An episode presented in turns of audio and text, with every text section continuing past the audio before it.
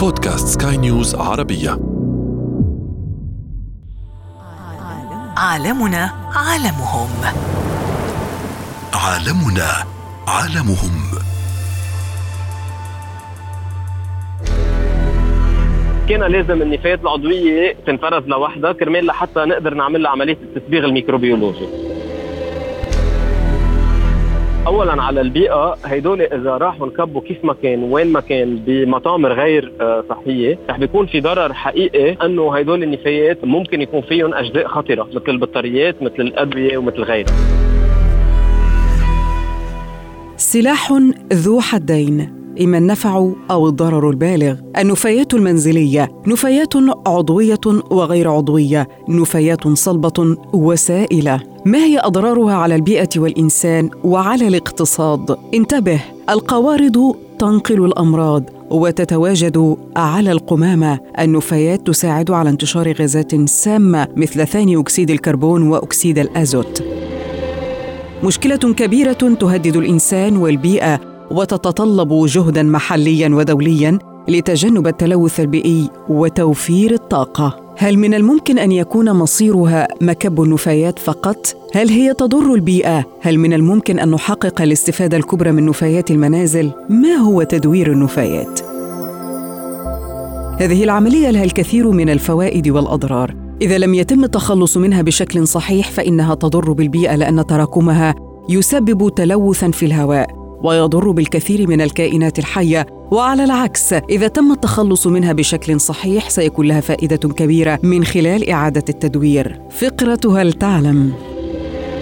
دعونا نتعرف على مفهوم إعادة التدوير من الجانب البيئي والاقتصادي والاجتماعي والصحي.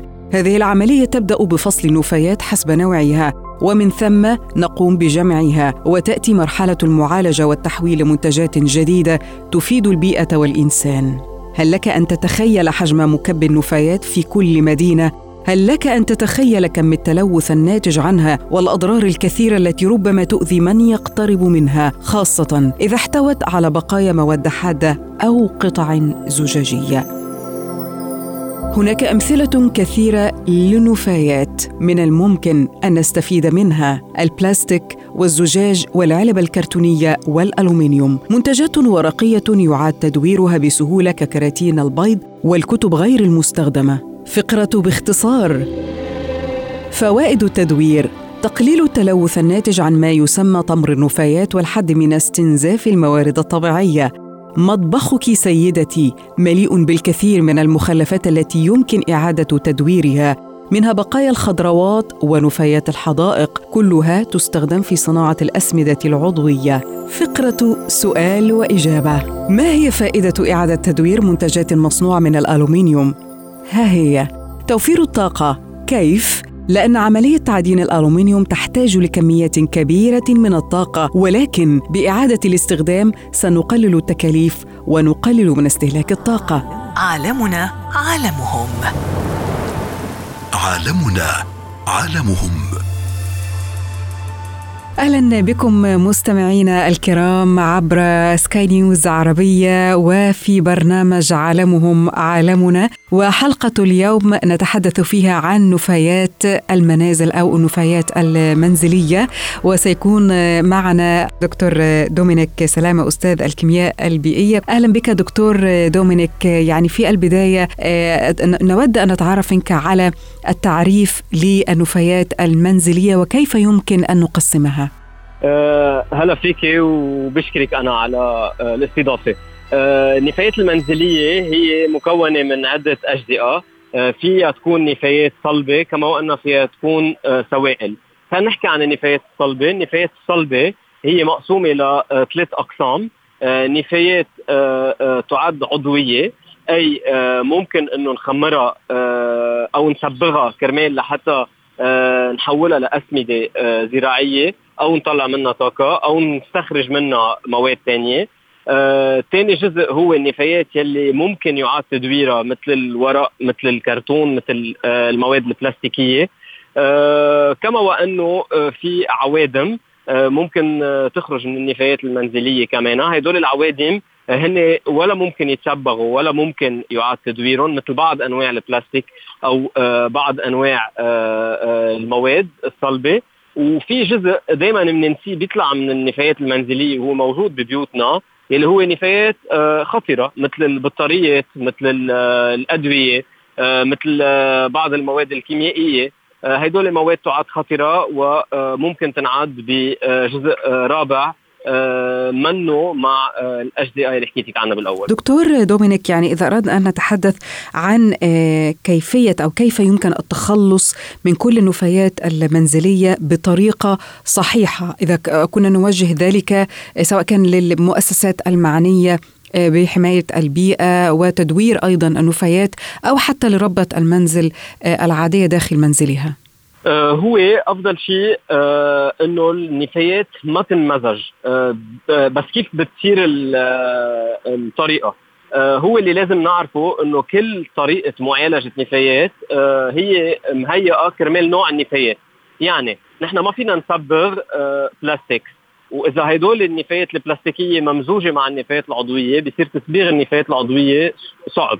ليه؟ لأنه التسبيغ هو عملية ميكروبيولوجية. آه، بتعالج النفايات العضوية آه، عبر آه، ميكروبات وعبر دود ممكن يجزئوا وياكلوا النفايات العضوية ويحولوها لنفاي لأسمدة زراعية. لكن لازم النفايات العضوية تنفرز لوحدها كرمال لحتى نقدر نعمل لها عملية التسبيخ الميكروبيولوجي. أما بالنسبة لنفايات اللي يعاد تدويرها هي لازم تنفرز لوحدها لحتى تروح أنظف شيء ممكن على معامل الفرز الثانوي آه ومن بعدها ترجع تروح على معامل آه ال recycling أو إعادة التدوير لحتى الكرتون يرجع يصير آه عجين ومن العجين نرجع نقدر نطلع آه الورق والكرتون لحتى البلاستيك نقدر ندوبه ونرجع نطلع منه بلاستيك جديد وذات الشيء للحديد. أما بالنسبة للعوادم العوادم ما عندها طريقة آه إنها تتعالج فيها إلا عبر آه ال landfilling يعني لازم ينوضعوا مطامر آه مطامر والمطامر كذا نوع. في منها المطامر الصحية والمطامر العادية. بس آه المطامر المقصود بالمطامر آه، دكتور دومينيك. آه المطامر هو مطرح مكان معين ب waste management plan يعني عبر إدارة أو خطة إدارة نفايات. عنده criteria معينين.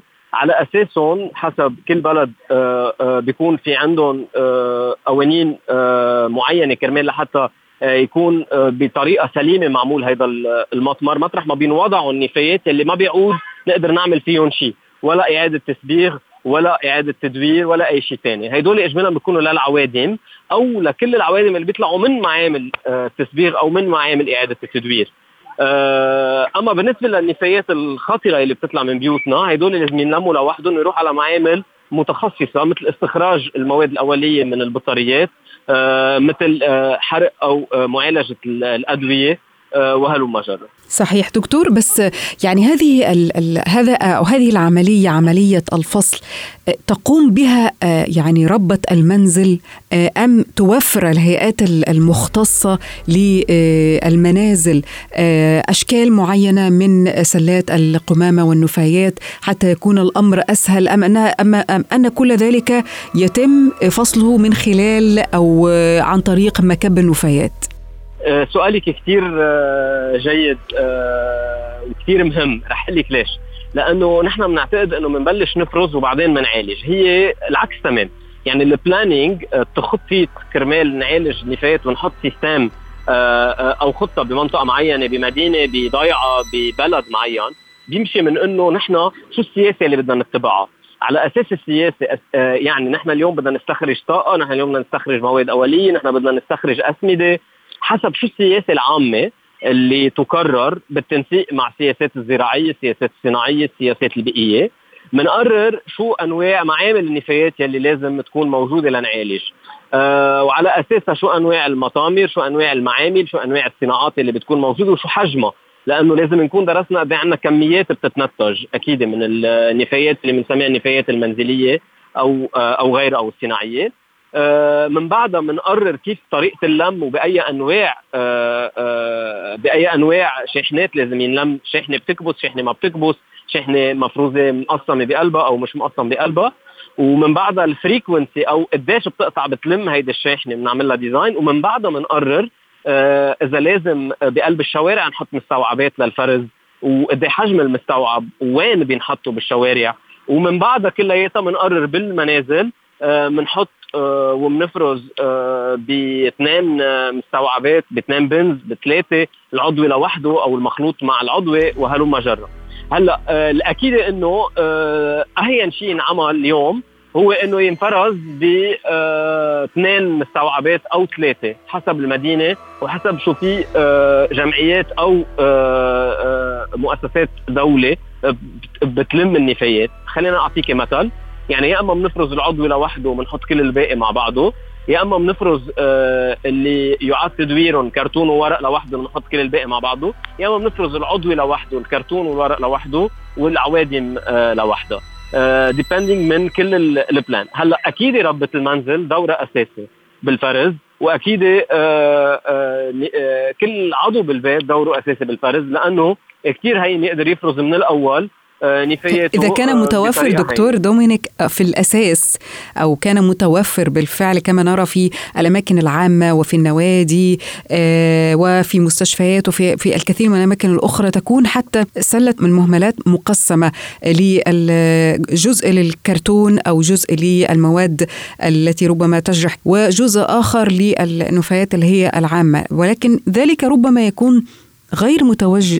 متوفر داخل البيوت. إذا التعويل في هذا الأمر على المؤسسة المعنية بإدارة وتدوير النفايات لتدوير لتوفير هذا النوع من السلل الخاصة بالنفايات. صحيح. مظبوط هدول المستوعبات إجمالا حسب اللي شفناه عالميا يا أما المؤسسات المعنية بتوزعها على البيوت يا أما حسب البلدان والمناطق ممكن المنازل أو أصحاب الشأن هن يشتروها. آه يعني لازم تكون متوفرة بالسوبر ماركت أو متوفرة ببعض المطارح.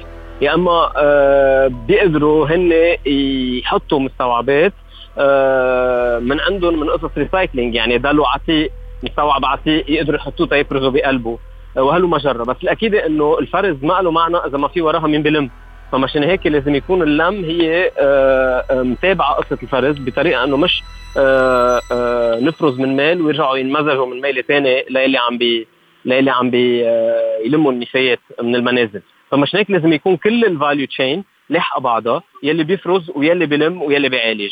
مش هيك هو حقيقة شأن عام تخطيط وإدارة النفايات وعلى أساسها بنفرز ببيوتنا. أه بس هالشيء ما بيعني انه ما فينا نبلش نفرز ببيوتنا، فينا نبلش نفرز ببيوتنا وللاصحاب اصحاب الهمم بيقدروا يعملوا مباشره liaising uh, مع المعامل اللي بتعالج أو بتعيد اعاده تدوير وبيقدروا يبعثوا نفاياتهم لعندهم. يبقى السؤال الاهم هو محور الحلقة ومحور البرنامج كما تعلم دكتور دومينيك وهي اضرار هذه النفايات على البيئه، يعني نرى في مكبأ النفايات الكثير من القوارض الكثير من أنواع الحشرات الكثير من الانبعاثات التي تخرج بعض الغازات التي ربما تكون سامة وتضر بالبيئة. نريد أن نعرف منك أيضا أضرار مكبأ النفايات على البيئة وعلى الإنسان وعلى البيئة المحيطة بشكل عام إن لم يتم يعني التعامل معها بشكل جيد. معالجتها صحيح. أه بالحقيقة هدول النفايات اللي بيطلعوا من المنازل مثل ما خبرتك بالنهاية رح يروح على المستوعبات.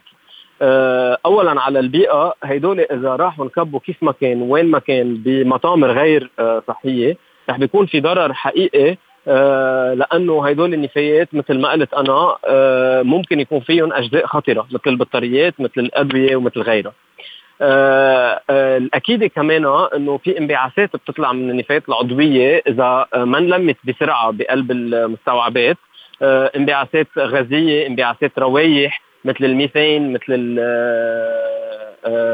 ال CO2 وغيرهم. هدول كلياتهم أو رواسب liquids بيطلعوا من المستوعبات. هدول بيجذبوا قوارض بيجذبوا بكتيريا وبيجذبوا بطبع الحال برغش. وهدول كلياتهم أمور كثير مهمة خصوصا اليوم بحالات الكوفيد يعني نحن اليوم بنعرف كثير منيح إنه نحن ببيوتنا مرات بنستعمل آه الأقمشة لحتى آه آه الأقمشة الصحية أو غيرها. ما بننتبه كيف بنكبها وما بنكبها. فكل هيدا الشيء إذا مش من الأول انفرز مزبوط من البيت بيروح على المستوعبات وهدول المستوعبات رح يكونوا حد البيوت. وأكيد إذا صار فيهم رواسب وترسبات ممكن يؤدوا لكل هدول الأمور. أما بالنسبة على البيئة الأكبر إذا راحوا مباشرة على مطمر ونكبوا كيف ما كان وين ما كان فيه كل الترسبات عم تنزل على المياه الجوفية طبعا. كل الترسبات آه هذه الكارثة. آه وكل الغازات طبعا. وكل الغازات عم تطلع بالهواء. والأضرب إذا هدول النفايات انلقطوا مثل ما هن وانحرقوا مثل ما هن لأنه بتعرفي في criteria إن كان للتسبيخ وإن كان للمحرقة وإن كان لإعادة التدوير ما فينا ناخذ كل النفايات مثل ما هي نمزجها ببعضها ونحرقها أو نمزجها ببعضها ونصبغها. ما بيمشي الحال. وبيؤدي لضرر بيئي هائل وخسارات اقتصادية هائلة. صحيح، إذا يعني مكب النفايات يعتبر قنبله موقوتة أو يمكن الاستفادة منه بشكل آخر للحفاظ على البيئة وعلى كوكب الأرض وأيضا لجوانب أخرى كثيرة بيئية واجتماعية واقتصادية. نشكرك جزيل الشكر دكتور دومينيك سلامة أستاذ الكيمياء البيئية، كنت ضيفا كريما معنا عبر سكاي نيوز عربية. عالمنا عالمهم. عالمنا عالمهم.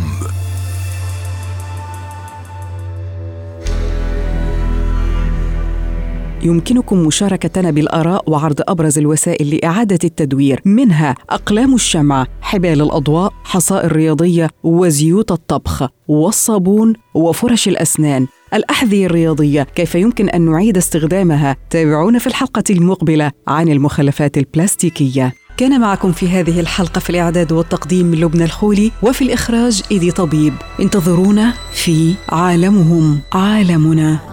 عالمنا عالمهم. عالمنا عالمهم.